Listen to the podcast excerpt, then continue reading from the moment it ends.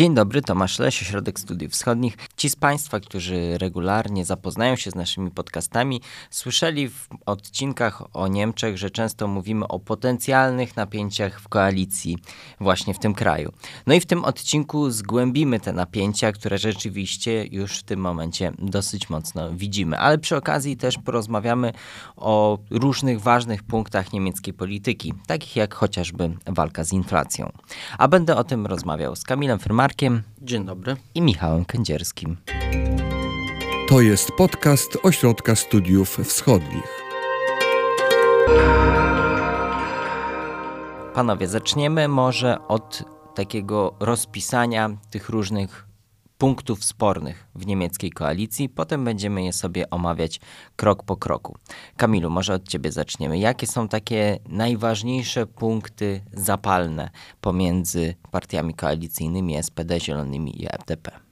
Ja bym wymienił trzy takie, y, które się y, zarysowały w ostatnich tygodniach, mm, czy nawet troszkę dłużej, pewnie i miesiącach. Y, po pierwsze, to jest kwestia Ukrainy i tego, jak daleko pomagać i wspierać Ukrainę i to w największym stopniu dotyczy y, wysyłania broni na Ukrainę ciężkiego sprzętu i temu był poświęcony podcast Justyny Gotkowskiej w, o, niedawno. Polecamy. Link tak jest, tam zostało to y, y, szczegółowo wyjaśnione o tych sporach w samych partiach, również na przykład w SPD, jak silnie nadal angażować się w to y, wsparcie. I tu warto przywołać y, takie badania z, sprzed dwóch tygodni w zasadzie, które mówiły o bardzo silnym y, wsparciu społeczeństwa niemieckiego. Ponad 70% Niemców jest za tym, żeby dalej mm, popierać Ukrainę. Mm, co więcej, tam padały różne y, pytania, na przykład jeżeli ceny energii będą na tyle wysokie, że każdy z Niemców będzie to odczuwał, czy nadal wtedy należy y, mm, pomagać y, Ukrainie. I większość Niemców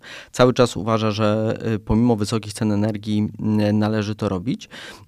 Też jeżeli spojrzymy na partie polityczne, to 82% wyborców SPD uważa, że należy pomagać. Oczywiście Zieloni są tutaj na pierwszym miejscu. Prawie 100% e, ich sympatyków uważa, tam 97 zdaje się, mm, że to jest e, właściwy e, kierunek. Trochę mniej z, tej z tych partii koalicyjnych liberałowie 74%. To jest pierwsza gama problemów, czy ten punkt sporny, czyli Ukraina. Drugi to jest kwestia pandemii. U nas temat troszkę na uboczu, natomiast w Niemczech jest to jeden z dominujących tematów w mm, mediach i w debacie publicznej. I e, w związku z tym zajmują on również polityków. Mamy w tej chwili do czynienia w niemieckim rządzie z dwoma ugrupowaniami, czyli SPD i Zielonymi, które opowiadają się za ostrzejszym kursem wobec zwalczania pandemii, a raczej obawą przed jesienną falą tej pandemii oraz FDP, która jest w ogóle wchodząc już do Bundestagu, czy w kampanii wyborczej w, przed jesiennymi wyborami w zeszłym roku, e, mówiła, że musimy skończyć z tym rytmem pandemicznym, należy zmienić to podejście e, i w tej chwili przy ustaleniach, e, jak ma wyglądać ochrona Niemców przed pandemią jesienią, najbardziej opowiadała się za tym, żeby na przykład e, nie dochodziło do mm, zamykania szkół, czy mm, żeby maski nie były e, wszędzie obowiązkowe i tak dalej. W związku z tym e, to jest kolejny punkt sporny i Trzeci, z mojej perspektywy najistotniejszy, to jest jak za, pomagać y, społeczeństwu, Niemcom, a także firmom w tym kryzysie energetycznym i inflacyjnym, o którym wspomniałeś. Tutaj myślę, że mm, ten pakiet, który został przyjęty mm, jakiś czas temu, trzeci pakiet y, osłonowy, Y, o wartości 65 miliardów y, euro i cała krytyka i problemy, które z nim związane, one jak w soczewce nam skupiają te wszystkie problemy i najbardziej je wyostrzają. Więc skupmy się na chwilę właśnie na tym pakiecie osłonowym. Na czym on polega? Czy to jest jakiś zbiór danin? co to w ogóle jest ten pakiet osłonowy? Chodzi tutaj o trzeci w tym roku już e, pakiet osłonowy. Został zapowiedziany tak naprawdę. Przedstawione jego szczegóły zostały 4 września. Po długich i niełatwych e, negocjacjach koalicyjnych e, przedstawiony został przez kanclerza Olafa Scholza oraz liderów trzech koalicyjnych partii SPD, Zielonych i, i FDP. Pierwsze dwa pakiety, które zostały przyjęte w lutym i w marcu tego roku, opiewały na 30 miliardów euro. Ten, jak już Kamil wspomniał, na 65 miliardów euro, co pokazuje też rosnącą skalę um, kryzysu um, energetycznego, zwłaszcza energetycznego, który przekłada, te ceny, rosnące ceny energii przekładają się wprost na inflację, coraz bardziej uderzają w same gospodarstwa domowe, szczególnie w te um, najsłabiej sytuowane, e, ale także w biznes, w przemysł, to przekłada się na całą gospodarkę, na inflację. Ostatni pomiar inflacji to jest 8%. E, I główne punkty tego pakietu, trzeciego pakietu osłonowego E, tutaj przybliżę takie najważniejsze e, z, e, z, naszej perspektywy. To jest przede wszystkim odebranie części zysków, tych nadmiarowych zysków producentom energii elektrycznej. Tutaj chodzi przede wszystkim o elektrownie inne niż gazowe. Drugi punkt to jest zamrożenie cen energii elektrycznej dla gospodarstw domowych i małych i średnich przedsiębiorstw na podstawowy poziom zużycia. Po trzecie, to są jednorazowe dodatki um, dla emerytów, to jest 300 euro, dla studentów to jest 200 euro. Po czwarte, obniżenie stawki VAT na gaz ziemny z 19 do 7%. Wreszcie to jest reforma e, progów e, podatku dochodowego i jeden z takich bardziej medialnych punktów, zastąpienie tego ogólnoniemieckiego miesięcznego biletu na komunikację miejską za 9 euro, który obowiązywał latem tego roku i o którym mówiono w, w, całej Europie, czy to jest też e, przykład dla, dla innych e, państw. Może krótko jeszcze o, ocena tego, e, tego pakietu. Przede wszystkim większość z tych instrumentów, które tam zostały zapowiedziane, mają bardzo ogólnikowy charakter. Wiele istotnych szczegółów nie zostało e, ujawnionych. One będą dopracowywane na etapie mm, procesu legislacyjnego, bo na razie znamy tylko główne założenia, które zostały wypracowane przez e, partie koalicyjne, a dopiero będą te instrumenty wdrażane jesienią e, przez Bundestag i, i Bundesrat, częściowo też Landy będą musiały tutaj kooperować e, z koalicją rządzącą. E, nie wiadomo na przykład, jak konkretnie ma wyglądać mechanizm odbierania tych nadmiarowych zysków producentom energii. Nie wiadomo na jakim poziomie i do jakiego poziomu zużycia ograniczona zostanie, zamrożona zostanie cena energii elektrycznej w Niemczech. Wiele tutaj zależy od rozwiązań na poziomie poziomie unijnym, dlatego że Niemcom zależy na tym, żeby te mm, rozwiązania miały charakter uniwersalny i ogólnounijny a nie jedynie e, narodowy, krajowy w, w samych Niemczech. E, nie wiadomo w końcu, ile będzie kosztował ten nowy bilet ogólnoniemiecki na komunikację e, miejską. Podano tylko widełki, to ma być między 49 a 69 euro. Przypomnijmy, że ten pierwotny e, promocyjny bilet kosztował 9 euro, więc już tutaj pokazuje to, że to nie, nie da się tego utrzymać na tym, na, tym, na tym poziomie i koalicja nie jest do tego gotowa. Tu jest też bardzo poważny spór między rządem a landami.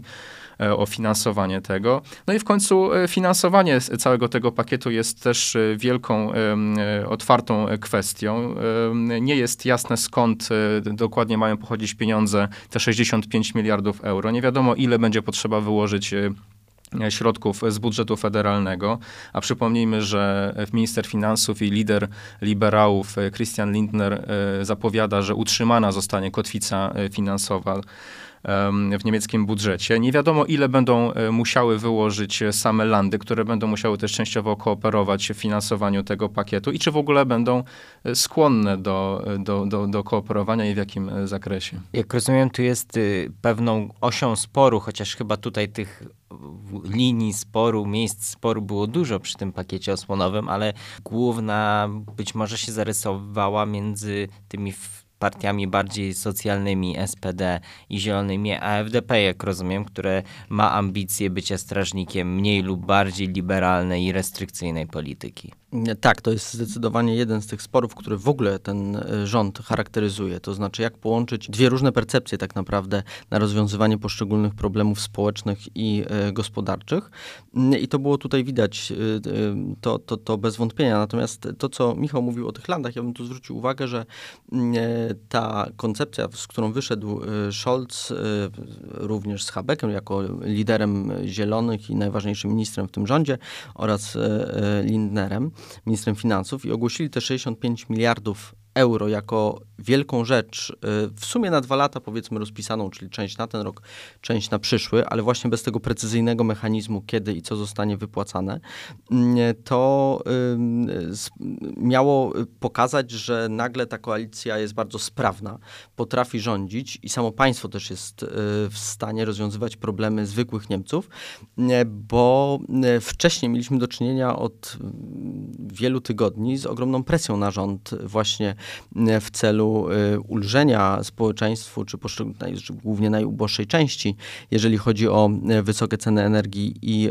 inflację plus niskie oceny popularności samego rządu Scholza e, i jego jako człowieka, który stoi na czele tego gabinetu, e, tam wchodzi w grę również e, konkurencja pomiędzy tymi partiami. Do tej pory w ogóle mieliśmy do czynienia w Niemczech z rządami składającymi się z dwóch partii. Owszem, CSU była jako osobna partia, no ale jednak w frakcję w Bundestagu tworzyli łącznie z CDU.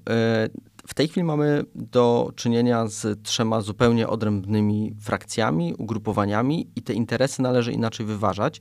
Każda z partii chciała ugrać coś dla siebie. Bardzo ciekawy zwrot był właśnie liberałów w tym, jak e, te nadmiarowe zyski dla przedsiębiorstw, o których mówił Michał, e, jak którym liberałowie się przecież sprzeciwiali wcześniej e, jako takiej odbieraniu czegoś y, przedsiębiorcom, jak to sprzedać swoim wyborcom, bo to jest jedna z najtrudniejszych rzeczy oczywiście. Y, mówiono o potrzebie dodatkowej regulacji i czegoś, co usprawni y, mechanizmy rynku, które w pewnym momencie się zatarły, ale liberałowie też się bronią w tym pakiecie, że część podatków dzięki temu nie zostanie podniesiona, część być może obniżona. Przede wszystkim dla zielonych, którzy mówią o tym bilecie, to będzie jakby taka, taka, takie koło E, napędowe tego pakietu, ale zmierzam do tego, żeby powiedzieć, że największy sukces w tym pakiecie upatruję dla e, SPD, dlatego że między innymi bezpośrednie dopłaty dla emerytów czy dla studentów po 200 i 300 e, euro, czy rozszerzenie dodatków mieszkaniowych, to są rzeczy, które najbardziej zwolennikom socjaldemokracji będą się podobały i tak też wychodzi z sondaży. Takie wstępne robione sondaże po tym ogłoszeniu pakietu mówią, że to są e, te grupy e, wyborców czy zwolenników SPD, które są najbardziej zadowolone e, z tego pakietu. Natomiast jeszcze można, warto dwa słowa powiedzieć o toczce, która była budowana na początku wokół przyjmowania tego pakietu. Wtedy zrobiono jedno spotkanie koalicji w Mezebergu, następnie w ogóle szczyt samej koalicji, drugi.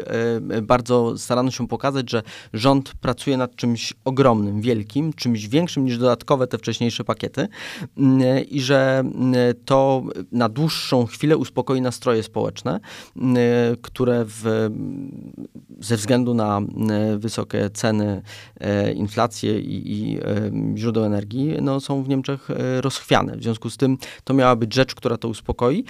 Przez to, że cały pakiet jest nieprecyzyjny, jego finansowanie nie do końca pewne i prawdopodobnie część osób jest w ogóle niezadowolona, połowa tylko mówi, że to jest to mniej więcej, czego się spodziewali. 49% e, uważa, że to nie jest ostateczna wersja i należy ją poprawić. Wskazuje, że jeszcze długo rząd niemiecki będzie się musiał mierzyć z tym e, problemem, jak doprecyzować i, mm, e, i dalej przekuć ten pakiet w konkretne mm, mm, ustawy. Ale waszym zdaniem ten punkt szczytowy tego napięcia w koalicji, jeśli chodzi o tę sprawę, która, jak rozumiem z tego, co też mówił Michał, jeszcze zakończona nie jest, bo jest dużo kwestii szczegółowych do dopracowania. Czy ten punkt szczytowy napięcia już jest za nami, już osiągnięto pewnego rodzaju konsensus, kompromis, czy jeszcze jest to przed nami i właśnie ten diabeł będzie tkwił w szczegółach? Z całą pewnością przed opublikowaniem tych założeń tego pakietu osłonowego mieliśmy w Niemczech do czynienia z bardzo e, no, daleko idącym kryzysem e, tej koalicji. To było widoczne w publicznych e, wypowiedziach poszczególnych reprezentantów frakcji, którzy w mediach społecznościowych, w mediach tradycyjnych otwarcie atakowali ministrów innych partii koalicyjnych. Najmocniej obrywało się Mm, Habekowi z Partii Zielonych, który faktycznie popełniał w ostatnim czasie kilka błędów, wystawił się na pewne ataki, z czego skrzętnie e, korzystali e, politycy liberałów E, zwłaszcza liberałów, ale także socjaldemokracji. E, partie starały się walczyć o to, o najlepszą pozycję, o przeforsowanie swoich własnych e, postulatów, co koniec końców znalazło odzwierciedlenie w wynikach tego pakietu, dlatego, bo to jest taki klasyczny niemiecki wewnątrzkoalicyjny kompromis, czyli każda partia ma tam coś swojego, coś, co może pokazać swojemu elektoratowi jako swój własny sukces, a częściowo te te postulaty się wzajemnie wykluczają albo wręcz znoszą. To nie jest y, dobry całościowy pakiet, bo częściowo właśnie te instrumenty będą sobie y, przeciwdziałać. Y, I do momentu opublikowania, ogłoszenia tego, tego pakietu mieliśmy do czynienia właśnie z takim otwartym atakowaniem się nawzajem polityków koalicji rządzącej i od tamtego czasu doszło do pewnego uspokojenia. To znaczy te partie najwyraźniej doszły do wniosku, że to nie jest dobry sposób na przeciwdziałanie kryzysowi i spadającym sondażom, bo w zasadzie wszystkie trzy partie e, koalicyjne cierpią na, e, na obniżenie notowań e, społecznych, a przynajmniej zadyszkę w sondażach i w, że to nie świadczy dobrze, nie, nie poprawia wizerunku rządu i, i, koalicji rządzącej, jeśli politycy otwarcie się atakują i faktycznie od opublikowania wyników przedstawienia założeń tego, tego, tego pakietu osłonowego doszło do pewnego uspokojenia sytuacji i raczej teraz kłada, kładzie się nacisk na zgodną współpracę. To jest też taka mantra, którą powtarza często kanclerz Scholz, że rząd pracuje kolegialnie, zgodnie, y, dobrze współpracuje, y, co oczywiście potem często w mediach y, rzeczywistość, rzeczywistość temu zaprzecza, bo na przykład minister Habeck często jest wciąż atakowany za niektóre decyzje o czym pewnie jeszcze e, e, później powiemy, ale teraz jest raczej narracja taka, że, że rząd pracuje kolegialnie i zgodnie i gdzieś te spory zostały odłożone. Ale to też widać e, bardzo ciekawie na rysach, które powstały w tej koalicji. Jak budowano ją na początku, to takie było założenie, przyświecało całemu projektowi. Mamy coś nowego, świeżość w Niemczech, po erze Merkel następuje zupełnie nowa jakość rządów. Oczywiście 24 lutego przewrócił wszystko, czyli wojna i agresja Rosji na Ukrainę. Natomiast takie zupełnie proste rzeczy, jak na przykład zapowiedź, że nie będzie jakichś nocnych negocjacji, nie wiadomo, że wszystko będzie przygotowane tip-top. Y, to była marka Scholza, on z tym szedł y, do wyborów i później przez proces negocjacji koalicyjnych bardzo to wszyscy podkreślali, natomiast tego już nie ma. Y, bieżączka i codzienność dogoniła tę koalicję i to jest normalna koalicja, która rządzi tak jak wszystkie poprzednie, ze wszystkimi wszystkimi problemami, wadami wewnątrzpartyjnymi, koalicyjnymi. Mm, I w tej chwili mamy pewną pauzę, jeżeli chodzi o e, te napięcia wewnątrzkoalicyjne, e, ale raczej do czasu. To znaczy, jak te e, problemy będą narastać, to te mm, problemy czy napięcia wewnątrzkoalicyjne będą się ponownie pojawiać. Niemcom to się nie podoba. Jak zapytamy większość Niemców, to oni uważają, że ta koalicja jest wewnętrznie skłócona i te spadki ocen popularności zarówno Habeka przede wszystkim, czyli ministra, wicekanclerza i ministra E, gospodarki i ochrony klimatu, najpopularniejszego dotychczas e, niemieckiego polityka, e, świadczą o tym, że ta cała zawierucha wokół tego pakietu i wszystkiego, co mieliśmy do tej pory, no, odbija się na, na ich popularności. Nie mamy w tej chwili wyborów federalnych. Do tego daleka droga, nikt tym w ten sposób nie żyje. Natomiast na pewno była to lampka taka ostrzegawcza, jeżeli chodzi o tę koalicję. Wywołaliście oboje wicekanclerza Habeka, więc zatrzymajmy się chwilę, bo e, tak jak też Kamil mówiłeś, on jest najpopularniejszym cały czas, jak rozumiem, politykiem w Niemczech. Jak rozumiem, to może wywoływać pewnego rodzaju spory ambicjonalne i różnego rodzaju konflikty na linii Scholz-Habeck. No tak, to jest e, taka e, historia, która jest powielana też bardzo chętnie przez niemieckie media, czyli rywalizacja między, kanclerzem e, Scholzem, a wicekanclerzem przecież Robertem Habeckiem z Zielonych. Przy czym ta rywalizacja była bardzo namiętnie śledzona i chyba też nieco podsycana świadomie przez, przez media, przez też główne tytuły. Parę tygodni temu na przykład Spiegel, bardzo poczytny i wpływowy niemiecki e, tygodnik, poświęcił temu swoją główną, e, swój główny artykuł e, temu, jak Habeck rośnie na głównego konkurenta i potencjalnego przyszłego kanclerza. I wydaje się, że Habeck faktycznie zgłasza takie, takie ambicje idące dalej niż jego, niż jego obecne stanowisko. Przecież przed wyborami on chciał zostać kandydatem Zielonych na kanclerza, ostatecznie musiał ustąpić Annalenie Berbok. O ile te ostatnie miesiące, pierwsze miesiące wojny, działania Habeka na, na rzecz e, przeciwdziałania kryzysowi e, energetycznemu, w ogóle zarządzania tym kryzysem, uniezależniania Niemiec od, zwłaszcza od dostaw rosyjskich surowców, przysporzyły mu wiele popularności, wiele bardzo pozytywnych ocen i w, jeszcze w połowie wakacji Habeck uchodził z całą pewnością za najbardziej popularnego, najbardziej docenianego niemieckiego polityka. Też takiego, który jest doceniany właśnie za pragmatyczne działania, które E, których nie spodziewano się po polityku zielonych, jak na przykład zwiększanie e, zakresu korzystania z elektrowni węglowych, e, otworzenie się w ogóle na możliwość przedłużenia działania elektrowni jądrowych w Niemczech. To są takie rzeczy, których jeszcze rok temu absolutnie nikt by po zielonych nie spodziewał, a Habeck odpowiadając nieco na tą kryzysową rzeczywistość właśnie do takich kroków był gotowy. E, ciągnąć trochę za sobą e, swoją partię. Ale w tych ostatnich tygodniach Habeck popełnił kilka, kilka błędów, które kosztowały go utratę tej popularności. Przede wszystkim tutaj takie trzy główne rzeczy to jest, znaczy dwie główne rzeczy, jedna tak trochę anegdotyczna.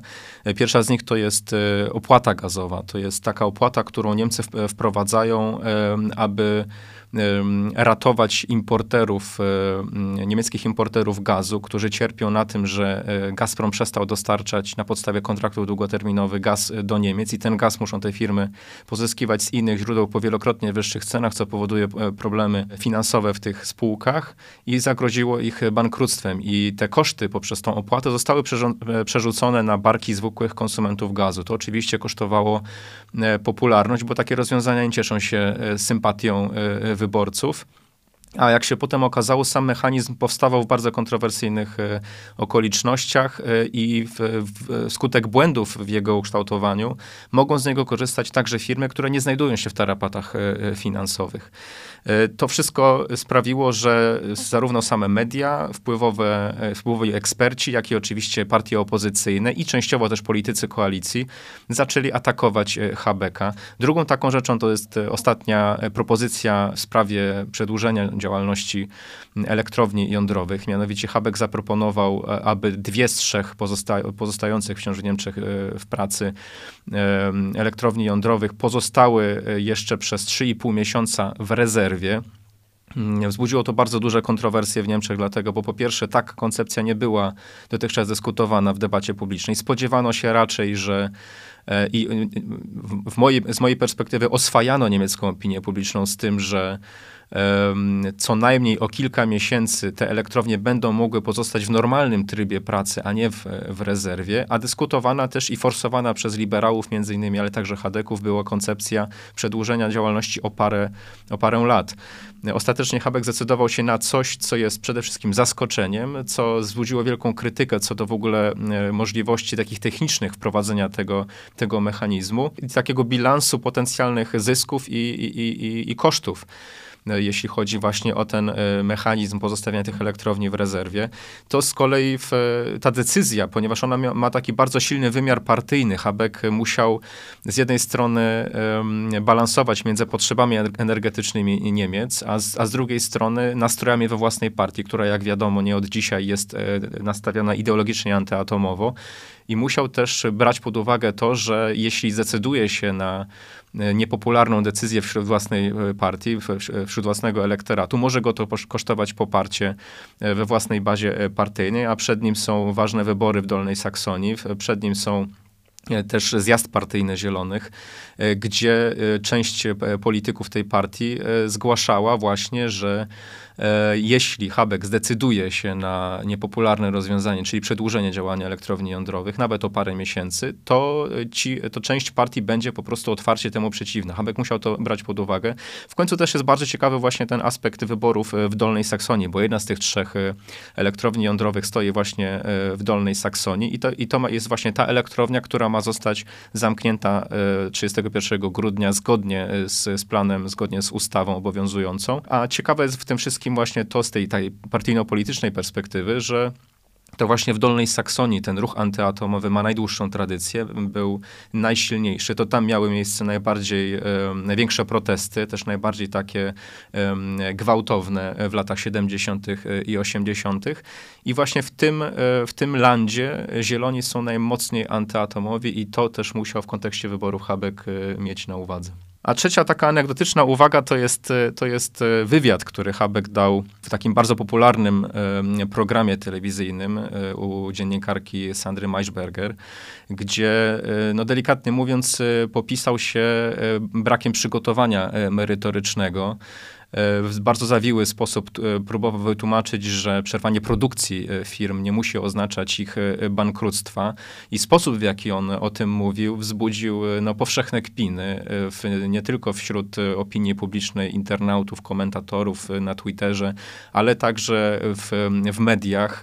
Też śmiali się z tego eksperci, ekonomiści i oczywiście zostało to wychwycone zarówno przez koalicyjnych liberałów, którzy bardzo namiętnie wyśmiewali te wypowiedzi Habeka, jak i przez, e, przez pozostałe partie opozycyjne, które pokazywały palcem, oto właśnie jest minister gospodarki, w takich rękach jest niemiecka gospodarka. To się zresztą y, Habekowi nie zdarzyło pierwszy raz. On ma y, taką przypadłość, że czasami jak mowa o pewnych detalach i szczegółach rzeczy dość skomplikowanych, abstrahując od tego, co teraz mówił Michał, bo ta rzecz była dość prosta, tylko sposób, w jaki on to opowiadał i zbudował wrażenie, że minister gospodarki nie ma kompletnie pojęcia o tym, na jakich zasadach, e, w oparciu o jakie zasady funkcjonuje niemiecka gospodarka, spowodowało właśnie tę e, falę krytyki takiego mm, e, rozdźwięku między pozycją ministra w rządzie, a jego wiedzą, to się Habekowi, filozofowi z wykształcenia, zdarza. Wchodzimy w jesień, coraz bardziej. Odczuwamy to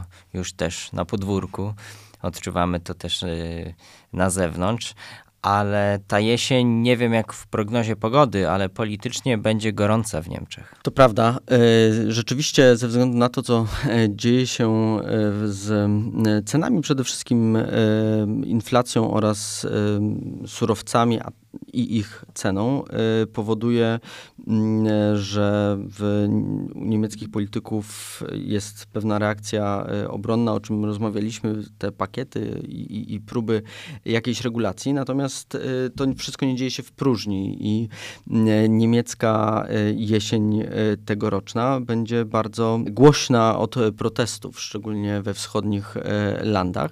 Te protesty już się zaczęły na początku września. One do tej pory jeszcze nie mają skali masowej, to nie są duże zgromadzenia, raczej po tysiącu czy dwóch tysięcy osób w Lipsku, czy lokalnie w innych miastach w Saksonii, w Turyngi, także w Berlinie, głównie w tej części Niemiec. Natomiast przede wszystkim to, co jest ciekawe w związku z tymi protestami, to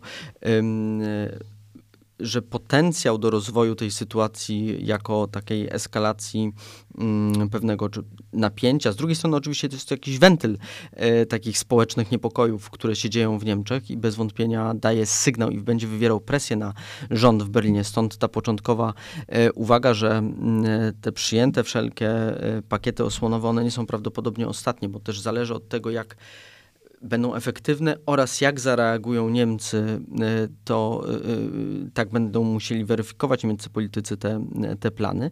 Natomiast wracając do protestów jeszcze, to co jest ciekawe, to to, że niemieckie media reagują na nie inaczej niż do tej pory, bo te protesty mają taką nazwę, czy są w ogóle organizowane w poniedziałki. To jest specjalnie w Niemczech taka tradycja Montagsdemonstration, czy odwołująca się jeszcze do takich demonstracji z, ze schyłku 89 roku, gdy miały doprowadzić do, do przełomu i ostatecznie upadku muru berlińskiego. I teraz próbuje to wykorzystać zarówno AfD, czyli skrajna prawica, jak i Die Linke, czyli skrajna lewica. I te dwie partie łączy wspólny wróg, czyli w tym przypadku rząd, który nie radzi sobie z tym kryzysem i one nawołują do tych silnych protestów. A silnych protestów w związku że rząd nie jest sprawczy, nie radzi sobie. Nadal mamy wysokie ceny, rząd nic nie robi, mimo tego, że coś tam przyjmuje, ale to jest y, za mało, niedokładnie przygotowane, nie daje efektów już i teraz, ale tam mamy bardzo szerokie postulaty, y, jeżeli chodzi również o y, wsparcie dla Ukrainy. Najczęściej chodzi o to, żeby było ono mniejsze. W przypadku sympatyków AfD lub jeszcze bardziej skrajnych partii obserwowanych przez kontrwywiad, jak Freie Sachsen na przykład, to jest dążenie do całkowitego zniesienia sankcji, czy zaprzestania wysyłki e, broni, które Niemcy i tak robią w sposób e, bardzo umiarkowany. Ale te protesty i te postulaty są w jakiś sposób reprezentatywne, masowe, czy to jest jakaś nisza, która jest głośna i, i dlatego jest istotna? W tej chwili jest to jeszcze zjawisko lokalne i e, występujące nie na masową skalę. Natomiast co innego jest ciekawe, e, to że po pierwsze to jest potencjał e, tej całej sytuacji gospodarczej i politycznej może doprowadzić do tego, że sytuacja będzie eskalować i te protesty będą bardziej widoczne, głośniejsze. Niekoniecznie tak jak w Pradze 70-80 tysięcy ludzi, ale w przypadku Niemiec mieliśmy do czynienia z podobną sytuacją w pandemii, gdy też na wschodzie, jak i na zachodzie dochodziło do e, dużych e, protestów antyszczepionkowych, antypandemicznych. Tam w ogóle był zlepek różnych postulatów i różnych organizacji. Wtedy reakcja mediów i polityki była jednoznaczna. To znaczy, tam są jacyś e, ludzie, którzy nie mają pojęcia, czego chcą, zupełnie nie znają się na rzeczy, są przeciwko szczepieniom lekceważenie z jednej strony, a z drugiej strony mówienie, że to jest w ogóle skrajna prawica i tylko skrajna e, lewica. W tej chwili wydaje się, że jest troszkę inaczej, to znaczy jest owszem próba połączenia D-Linkę i AfD w jedną, e, do jednego worka, ale e, dużo osób zwraca uwagę po niemieckiej stronie, że tam jest część ludzi zupełnie kierowana swoimi lękami i takim strachem przed tym, co będzie zimą. To znaczy, jak dostaną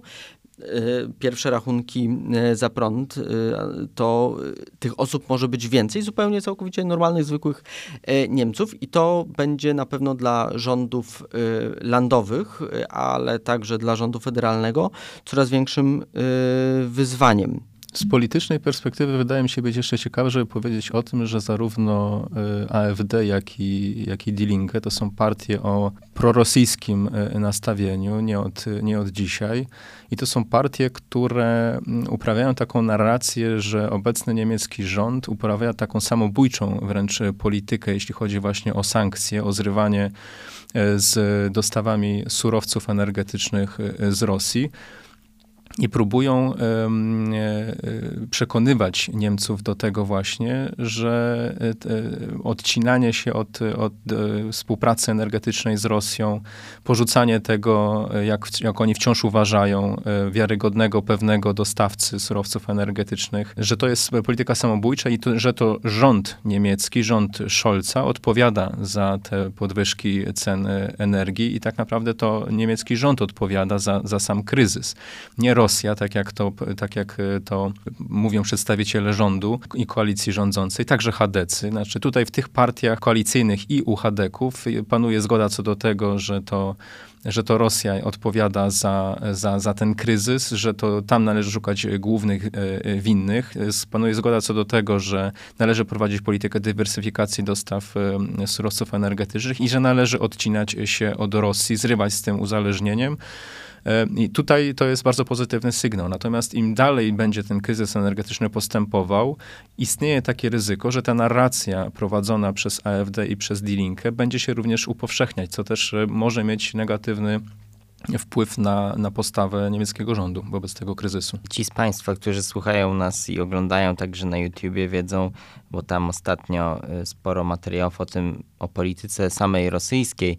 Rosja właśnie na to bardzo liczy, że to się wydarzy, że Niemcy i też inne kraje będą zniecierpliwione tym kryzysem. Ale wracając do tych ważnych politycznych wydarzeń jesieni, to jak rozumiem, takim punktem najważniejszym z tych wszystkich ważnych wydarzeń będą wspomniane wybory w Dolnej Saksonii. Dlaczego? To jest w ogóle najważniejsze wydarzenie tej jesieni e, polityczne, e, dlatego że to są e, wybory w bardzo dużym landzie niemieckim.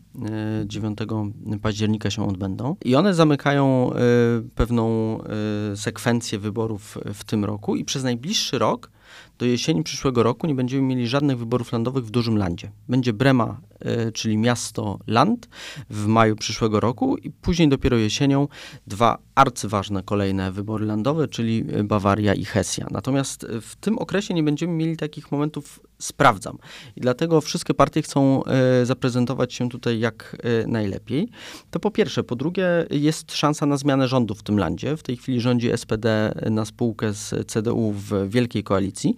I to jest ostatnia wielka, kla klasyczna wielka koalicja w landach, która jeszcze rządzi. Wszędzie indziej mm, są to już albo trójczłonowe koalicje, albo innego rodzaju wielkie koalicje, czyli na przykład e, koalicja e, Zielonych z e, w Badenii, czy, czy w Hesji odwrotnie CDU z Zielonymi. Natomiast już takich typowo mm, SPD-CDU więcej koalicji nie ma. Tam może dojść do zmiany koalicji na rzecz y, SPD i Zielonych, dlatego że Zieloni są tą partią, która mm, najbardziej zyskuje w sondażach. Y, w tej chwili y, z poparciem około 20% i jest szansa, że podwoi swoje y, y, poparcie od y, zeszłych, zeszłych wyborów. Żeby wejść do Landtagu, słabe szanse ma z kolei Die Linke. To będą kolejne wybory w zachodnim landzie, gdzie ta skrajna lewica nie wejdzie, jeżeli tak się stanie, do krajowego parlamentu. Stąd też wracając na chwilę do wyborów, do tych protestów, o których mówiliśmy, zarówno dla Die Linke, jak i dla AfD, te protesty mają jeszcze jeden taki walor, y, czy bardzo ważny element, to znaczy mobilizowania swojego zaplecza, swoich struktur i pokazania, że jako partie protestu, szczególnie na wschodzie, mają jeszcze coś do powiedzenia. To jest y, też y, dodatkowy y, aspekt. Jeżeli chodzi o same wybory w Dolnej Saksonii, to tutaj w tematyce, która zajmuje tę kampanię wyborczą, y, gdzie pojawiają się politycy z, ze szczebla federalnego, był już kanclerz Scholz, był lider opozycji Merz y, i jeszcze takie spotkania są planowane, no to przede wszystkim właśnie są to tematy federalne, czyli, yy, czyli wysokie ceny, inflacja, energetyka, o której wcześniej wspominał Michał i, i, Atom. Natomiast na szczeblu lokalnym to są takie tematy jak yy, brak nauczycieli, w ogóle kwestia szkolnictwa, yy, stały temat w niemieckich e, landach oraz bezpieczeństwo wewnętrzne, czyli też rzecz, która pojawia się bardzo często. Tak już wracając do perspektywy federalnej, Y, wydawać by się mogło, i pytanie, czy to jest prawdziwe e, stwierdzenie, czy nie, e, że na tych napięciach w koalicji może skorzystać opozycja, czyli główną partią opozycyjną jest CDU, CDU, CSU w koalicji także. Czy tak rzeczywiście jest? Czy CDU rośnie? Tak, ta słabość y, socjaldemokratów, oni w tej, czyli SPD w tej chwili w sondażach ma około 19-20%, przekłada się na, na dobre notowania Hadeków w okolicach 28%, więc, y, a przypomnijmy, że w wyborach jesienią 2021 roku obie partie w zasadzie, SPD oczywiście wygrała 20, prawie 26%, Hadecja ciut mniej, mniej, natomiast trochę się roz, rozjechały te e, słupki poparcia mm, i e, Hadecy przede wszystkim mają bardzo charyzmatycznego lidera, co wyszło ostatnio w debacie e, parlamentarnej w Bundestagu przy omawianiu założeń budżetowych. Tak, Friedrich Merz, bo, bo o nim mowa, przewodniczący CDU, zaczynał tę debatę swoim wystąpieniem, gdzie bardzo w swoim stylu e, mocno e, retorycznie zaatakował e, kanclerza Scholza, zaatakował wicekanclerza Habeka i w ogóle sposób zarządzania kryzysem, zwłaszcza energetycznym koalicji SPD Zieloni FDP. Wytykał poszczególne błędy, o których też wspominaliśmy w, w tym, co robi na przykład minister Habek. Bardzo takim prominentnym punktem tego wystąpienia płomiennego była kwestia atomu HDC są tą partią, tą siłą e, polityczną w Niemczech, która chyba nawet mocniej niż liberałowie postulowała przedłużenie działania elektrowni jądrowych o kilka e, lat i są tą siłą polityczną, która chyba najbardziej jest rozczarowana obok właśnie liberałów e, propozycją jedynie pozostawienia dwóch elektrowni w rezerwie. I Merz w tej debacie wołał do, do kanclerza Scholza, panie kanclerzu, niech pan zatrzyma to szaleństwo, mając na myśli właśnie propozycję Habeka. E, w bardzo e, tak namiętny sposób krytykował działania właśnie rządu w tym, w tym aspekcie, wytykając Habekowi działania, kierowania się interesem partyjnym, a nie interesem Niemiec wytykał to, że wyłączanie mm, e, elektrowni jądrowych w środku kryzysu energetycznego nie jest e, generalnie e, najlepszym pomysłem, wręcz może się przyczynić do zaostrzenia kryzysu. I wytykał też po prostu brak kompetencji i złe zarządzanie rządu w, w tym kryzysie, na co z kolei wyszedł później kanclerz Scholz w odpowiedzi i chyba dał swoją najlepszą przemowę dotychczasowo. Widać, że Scholz, który generalnie występuje w jeszcze bardziej beznamiętny i nudny sposób niż Merkel. Scholzomat, jego taka ksywka. Tak, mówi się o nim Scholzomat, bo on tak w bardzo automatyczny, taki mechaniczny sposób przemawia. Tego się tak naprawdę najczęściej po prostu nie da, nie da słuchać. E, e, tym razem jednak e, po tym, jak Merz, który jest bardzo sprawny retorycznie politykiem, potrafi naprawdę płomiennie przemawiać w bardzo ciekawy sposób. Kiedy, po raz kolejny okazuje się, że kiedy Scholz występuje po Mercu, wstępują w niego jakieś nowe pokłady energii i w, no, dał naprawdę bardzo dobre wystąpienie. Też równie, równie płomienne, równie e, takie waleczne, atakujące opozycję, z kolei wytykające mm, e, Hadekom e, błędy z, z poprzednich kadencji. To w ogóle jest taki przykład takiej politycznej blame game, która ma teraz miejsce w Niemczech. Oskarżania się nawzajem o, o to, kto wywołał kryzys, kto jest odpowiedzialny za uzależnienie energetyczne Niemiec od Rosji. W końcu kogo potencjalnie oskarżyć ewentualnym zaostrzeniem kryzysu energetycznego w Niemczech. To przerzucanie odpowiedzialności też jest jedną z, taką, e, z takich cech, które obserwujemy teraz w niemieckiej e, debacie publicznej. Warto jeszcze wspomnieć, że Hadecy mm, są na etapie e, odnajdywania się w nowej roli, czyli jako z tej partii władzy, która rządziła przez